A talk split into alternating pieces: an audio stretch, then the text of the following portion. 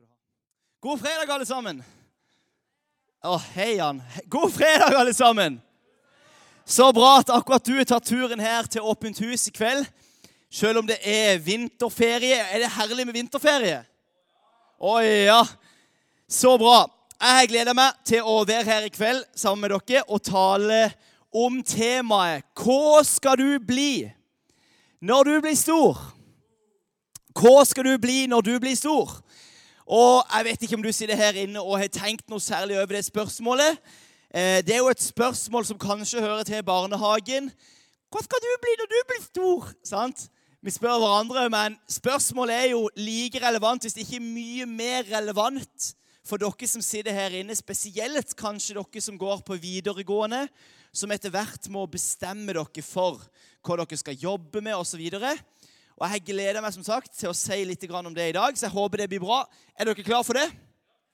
Så det blir litt annerledes tale i dag, men jeg tror det blir kjempespennende. Så eh, la oss be. Kjære Jesus, takk for at du er her. Takk for at vi kan få lov til å samles med forventninger om hva du ønsker å si til oss her i kveld, Jesus. Jesus, hjelp meg til å snakke sant og rett om deg, og til å formidle det som du har lagt på mitt hjerte, med kraft og med frimodighet, Jesus. Hjelp de som sitter i salen, til å sitte med åpne hjerter til hva du har lyst til å si til dem i kveld. I Jesu navn. Amen. Yes. Hva skal du bli når du blir stor? Jeg vet ikke om du har tenkt på dette spørsmålet, men dette spørsmålet er jo et vanskelig spørsmål. Hva skal du bli når du blir stor? Og nå venter jeg på den powerpointen. Den bare har et lite tegn hvis ikke den kommer. Eh, men for min del da, så kan jeg si at jeg har stilt dette spørsmålet egentlig siden jeg gikk i barnehagen. Hva skal jeg bli når jeg blir stor? Og det spørsmålet har hatt mange forskjellige typer svar for min del. På et tidspunkt skulle jeg bli brannmann. På et annet tidspunkt skulle jeg bli fotballspiller. På et annet tidspunkt igjen så skulle jeg bli popstjerne, og jeg sang for den store gullmedaljen, for jeg skulle bli popstjerne. Og så var det en periode på ungdomsskolen der jeg hadde bestemt meg. Nå har jeg virkelig funnet ut av det. Takk og lov. Nå har jeg funnet ut hva jeg skal gjøre. Jeg skal bli lærer. Og så eh, tenkte jeg egentlig det, og jeg hadde planene klare, helt til jeg plutselig begynte å kjenne på at Gud han la på mitt hjerte at jeg skulle jobbe med menighet, skulle jobbe i kirke, sånn som jeg gjør nå. Og egentlig helt siden det så har det vært planen, for å si det sånn. Eh, så det er svaret for min del. Men er det sånn at jeg ikke får den powerpointen? For jeg har noen veldig Ja, vi jobber med det. Da må jeg bare tenke litt annerledes. Går det greit? Ja, OK. Og spørsmålet som vi eh, ofte stiller, da, det er jo Hva skal jeg bli? Og så er det veldig mange kristne som lurer på hva er det Gud vil at jeg skal bli. Hva er det Gud har lyst til at jeg skal bli når jeg blir stor? Og Det er jo et veldig vanskelig spørsmål. fordi at det som er på en måte det store spørsmålet, elefanten i rommet, som alle kristne ungdommer lurer på, det er hvorfor er Gud så stille? Hvorfor har ikke Gud sagt noe til meg? Jeg har jo bedt og bedt og bedt om at han skal si hva jeg skal bli når jeg blir stor. Og så er han bare helt stille. Han sier ingenting.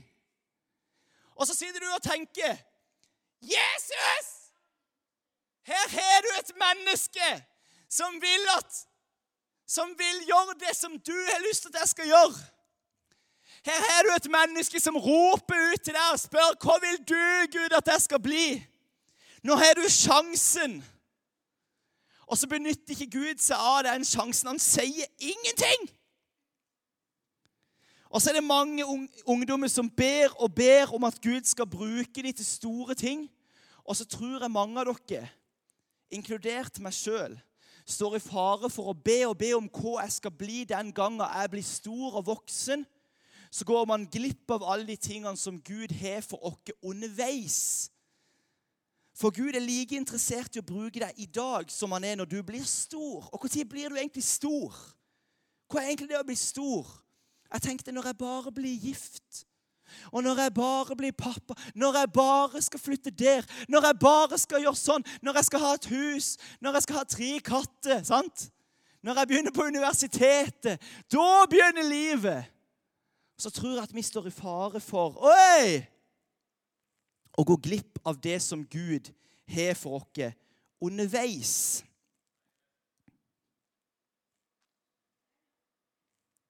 Skal vi fyre den? Nei.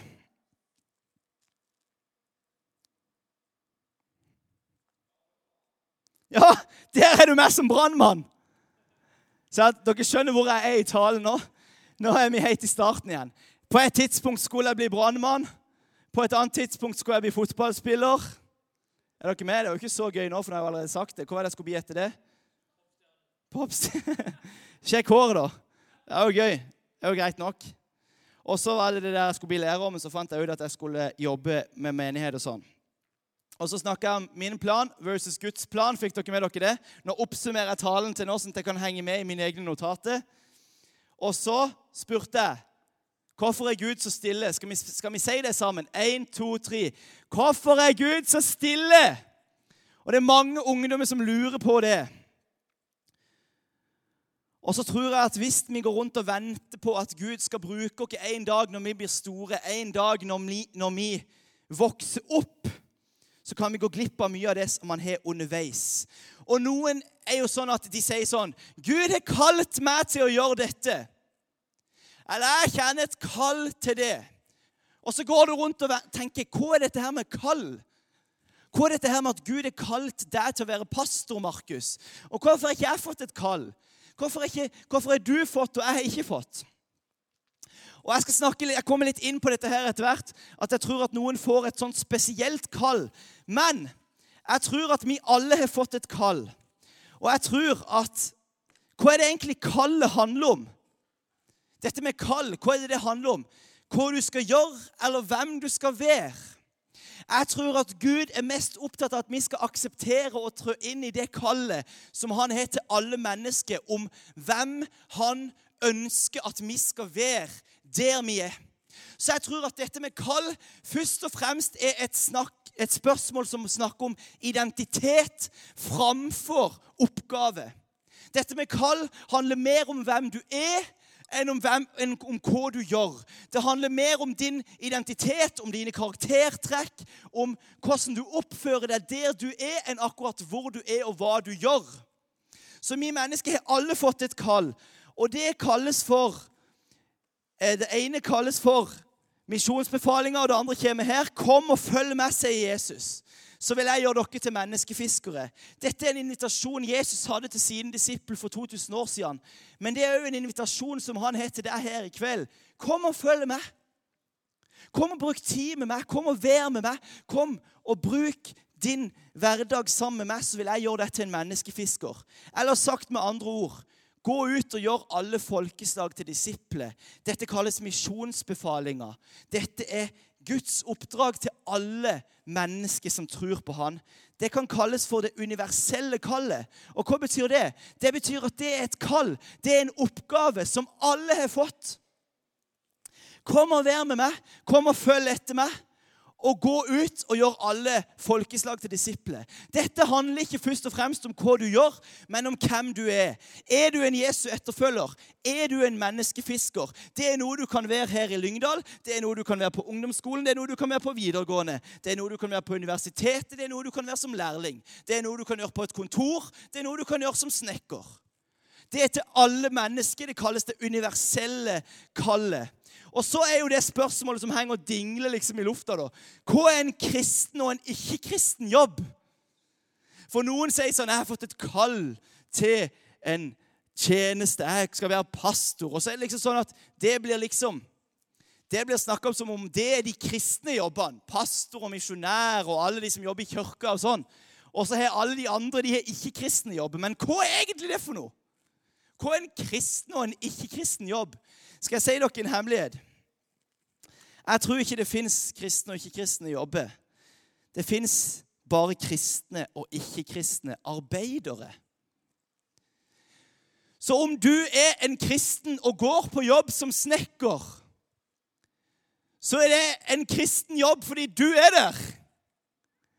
Om du jobber i kirka og du ikke tror på Jesus, da er ikke du på en kristen jobb. Da er ikke du kristen. Du må, være, du må tro på Jesus for å være kristen, sant? Så hvis du jobber innenfor kirka og feier gulvene her, så er ikke det noe mer kristen jobb enn om du er på en, du er på en arbeidsplass på Kiwi. Det fins ikke ikke-kristne og kristne jobber, bare kristne og ikke-kristne arbeidere. Jeg skal si dere en ting. Min bønn er at hvordan ville det sett ut her i Norge hvis alle kristne var bevisste på dette? Jeg er bærer av Den hellige ånd der jeg går. Når jeg er på jobb, når jeg er på byggeplassen som snekker, når jeg står og legger inn varer i hyllene på Kiwi, når jeg er i klasserommet på den ikke-kristne skolen og har undervisning, så er Den hellige ånd i klasserommet på grunn av at jeg er der. Når jeg sitter i lastebilen, når jeg sitter i kassa, når jeg er der på omsorgssenteret og passer på de gamle Når jeg er der jeg er, så er Den hellige ånd med meg fordi jeg er en kristen, og da kan alt skje på den jobben. Ikke på grunn av at det er en kristen jobb, men på grunn av at du er en kristen som er på den jobben. Er ikke det herlig? Tenk hvis alle vi, når vi begynte på jobbene våre, når vi ble voksne og når vi gikk på ungdomsskolen, når vi gikk på videregående, der vi gikk, så var vi bevisste på at Den hellige ånd bor i oss som tror. Ånden er gitt som pant i våre hjerter, står det. Men så kommer neste spørsmål. Så hvordan vet jeg hva jeg skal jobbe med, da? For nå snakker du bare om masse forskjellig, men jeg sitter jo fortsatt her og lurer på hva skal jeg jobbe med? Og hva vil Gud at jeg skal jobbe med? Brett opp armene, så kjører vi på. Går det greit? Går det greit foreløpig? OK, jeg håper det. Og Da skal jeg ta to forskjellige situasjoner. Den første situasjonen det er at Gud han kan tale konkret til deg om hva du skal jobbe med. Gud har kalt meg til å være pastor og flytte til den plassen og jobbe som lærer. En, et kall til tjeneste, et individuelt kall.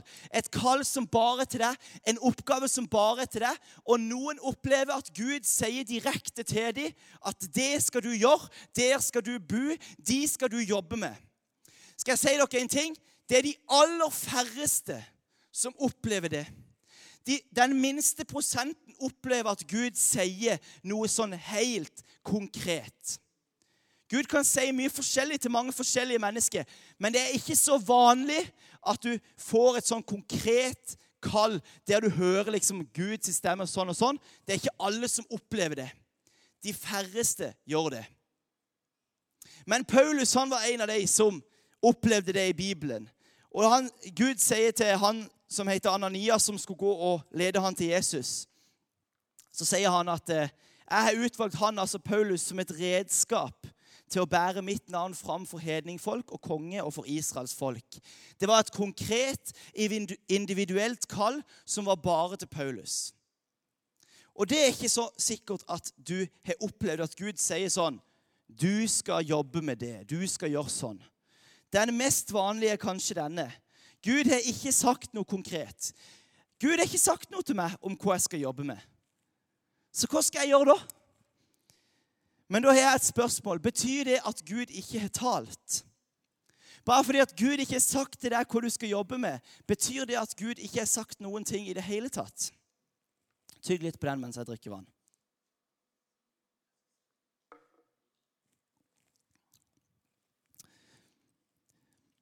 Jeg tror at Gud har talt selv om han ikke har sagt noe konkret. Fordi han har skapt det. Han har lagt ned interesse i det, han har lagt ned drømme i det, han har lagt ned kvaliteter og egenskap i det.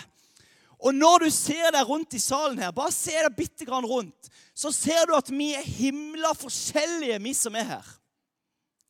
Noen her inne er superutadvendte. Noen her inne er veldig innadvendte. Noen her er veldig flinke med hendene og hammer og sage og sånn. Og andre er mer flinke med PC og Excel-ark og sånn. Noen her er strukturerte, noen her er ikke så strukturerte. Noen her er glad i å snakke. Opp med hånda. Noen her er ikke glad i å snakke. Så hvordan Så selv om ikke Gud har sagt noe sånn Du skal jobbe med barn, du skal flytte dertil, du skal bli pastor, du skal bli lærer, så betyr jo ikke det at Gud ikke har sagt noe. Han har jo skapt deg. Det er jo på en måte ikke sånn at du passer til alt mulig, er det det? Nei, det er jo ikke det. Så Gud har skapt deg med noen ting. Så en av de viktige tingene du kan gjøre, det er å bli kjent med deg sjøl. Hvilken kvalitet er det jeg har? Hva er det jeg drømmer om? Hva er det Gud har lagt ned i meg for at jeg skal kunne bety en forskjell her på denne jorda? Jeg har et par eksempler her. Er dere klar? Oi. Hvis du elsker dyr, så jobb med dyr. Hvis du ikke kan fordra dyr sånn som meg, så ikke gå rundt og vurdere og lure på om du skal bli dyrlege. Hvis du hater å snakke foran folk, så finn deg noe annet å gjøre. Det er ikke noe must at du skal stå foran folk og snakke. Bare fordi at Gud ikke har sagt noe konkret, så betyr ikke det at han ikke har talt. Og det siste lever du i en relasjon til Gud, hvis du lever sammen med Gud hver dag, så vil valgene dine automatisk preges av han og hans verdier. Når du lever nær til Gud, når du, når du bruker tid sammen med han og ber til han og søker han, så vil automatisk dine valg, dine handlinger, være styrt av han og hans sine verdier. Og så er det jo sånn at Gud han har en generell vilje for alle mennesker, som vi kan lese om i denne boka her. Så det er noen ting som ikke du trenger å gå rundt og lure på om Gud ønsker at du skal gjøre eller ikke. Her er det noen eksempler. Hvis du tenker jeg lurer på om jeg skal være utro. Jeg, har gått rundt og tenkt og bedt litt over det i det siste, om jeg skal være utro. Da kan du være helt sikker på at det er utenfor Guds vilje for ditt liv. For det er denne her veldig tydelig på. Hvis du går rundt og lurer på, lurer på om Gud har lyst til at jeg skal hjelpe de fattige, så er ikke egentlig det noe heller du kan trenge å gå rundt og tenke og lure så veldig på. For det er innenfor Guds generelle vilje for menneskets liv. Og Hvis du går rundt og føler at Gud han holder på å kalle deg til å stjele, så tror ikke jeg at det stemmer. For det at Gud er ganske tydelig her på at vi skal ikke stjele. Og Jeg kunne sagt mange forskjellige ting. Jeg går rundt og lurer på om jeg vil bli snekker. Gjenger det imot Guds generelle vilje? Nei, det gjør det ikke. Elsker Gud og elsker mennesker. Jeg har lyst til å ta en utdannelse. Jeg tror Gud elsker at folk tar utdannelse. Jeg tror Gud digger det. Jeg tror Gud liker det. Han digger at du vurderer det. Så når du går rundt og lurer på hva du skal bli når du blir stor, så er det noen ting som er på utsida av Guds generelle vilje. Det er noen ting ikke du trenger å gå rundt og lure på er Gud for eller mot dette. Noen ting er Gud imot, og noen ting er Gud for. Innenfor Guds generelle vilje, der tror jeg du har stor frihet. Når du tror på Han. Så Gud er mer opptatt av hvem du er, enn hva du gjør. Gud er mer opptatt av hva du skal bli i forhold til hvem du skal være. Hva hvis du heller begynte å tenke litt sånn Jeg ønsker å være mer omsorgsfull når jeg blir stor. Jeg ønsker å være mer sjenerøs når jeg blir stor. Jeg ønsker å elske Gud og elske mennesket på en bedre og større måte når jeg blir stor. Jeg ønsker å være mer raus med tida mi og pengene mine når jeg blir stor.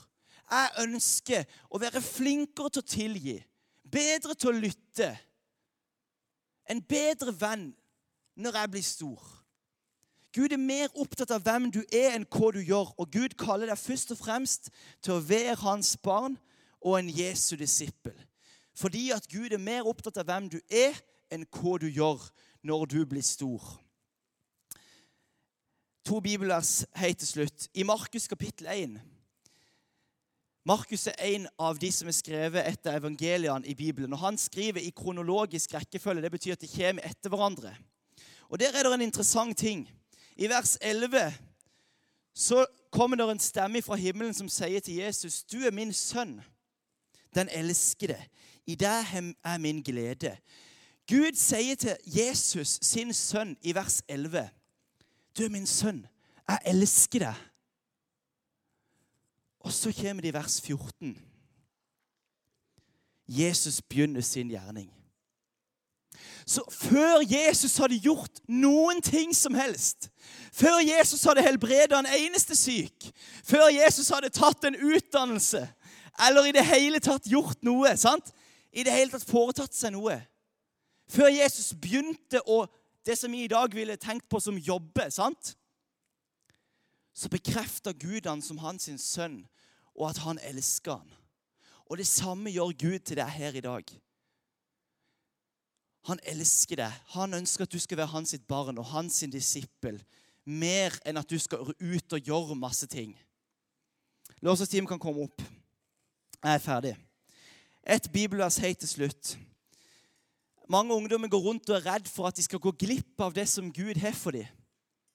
Men det er et bibelvers som har hjulpet meg mye, som sier dette. Nei, Herren Gud gjør ikke noe uten å åpenbare sitt skjulte råd for tjenerne profetene. Jeg tror på en sånn Gud. At hvis Gud har lyst til å si noe til deg, hvis Gud har lyst til å bruke deg til noe spesielt, så vil han si det til deg på en sånn måte at du forstår det. Hvis Gud ønsker at du skal være lærer eller helsearbeider eller snekker, eller sånn, eller at du skal flytte til Kongo, eller et eller annet, så vil Gud si det til deg på en sånn måte at du forstår det. Det er ikke sånn at du trenger å være redd for at du skal gå glipp av det, at ikke du skal være hjemme når det blir levert på døra di. Nei. Gud han sier til deg på en sånn måte. Han åpenbarer det, han viser det til deg, sånn at du forstår det. Skal vi reise oss opp? Hva skal du bli når du blir stor? Jeg håper at du har fått noen tanker om det. Jesus, jeg takker deg for at eh, du ønsker først og fremst å leve i en relasjon til oss. Du er mer opptatt av hvem vi er, enn hva vi gjør, Jesus. Så hjelp oss, Jesus, til å hver eneste dag bruke tid med deg og leve i den relasjonen, Jesus. Så ber jeg deg for de her inne som opplever at du kaller dem til noe konkret, at du har sagt noe konkret til dem. Jeg ber deg om at du skal fylle dem med din veiledning og styrke i det. Så ber jeg deg for alle de som sitter og kjenner at jeg vet egentlig ikke hva jeg skal bli, og jeg føler ikke at Gud sier noen ting. Jeg ber deg om at du skal hjelpe dem til å velge Jesus. At de skal få lov til å bare kjenne at jeg kan gjøre noe av det jeg har lyst til. Og så er du mer opptatt av hvem de er der de, der de er, enn akkurat hva de gjør, Jesus. Det takker vi deg for. I Jesu navn. Amen.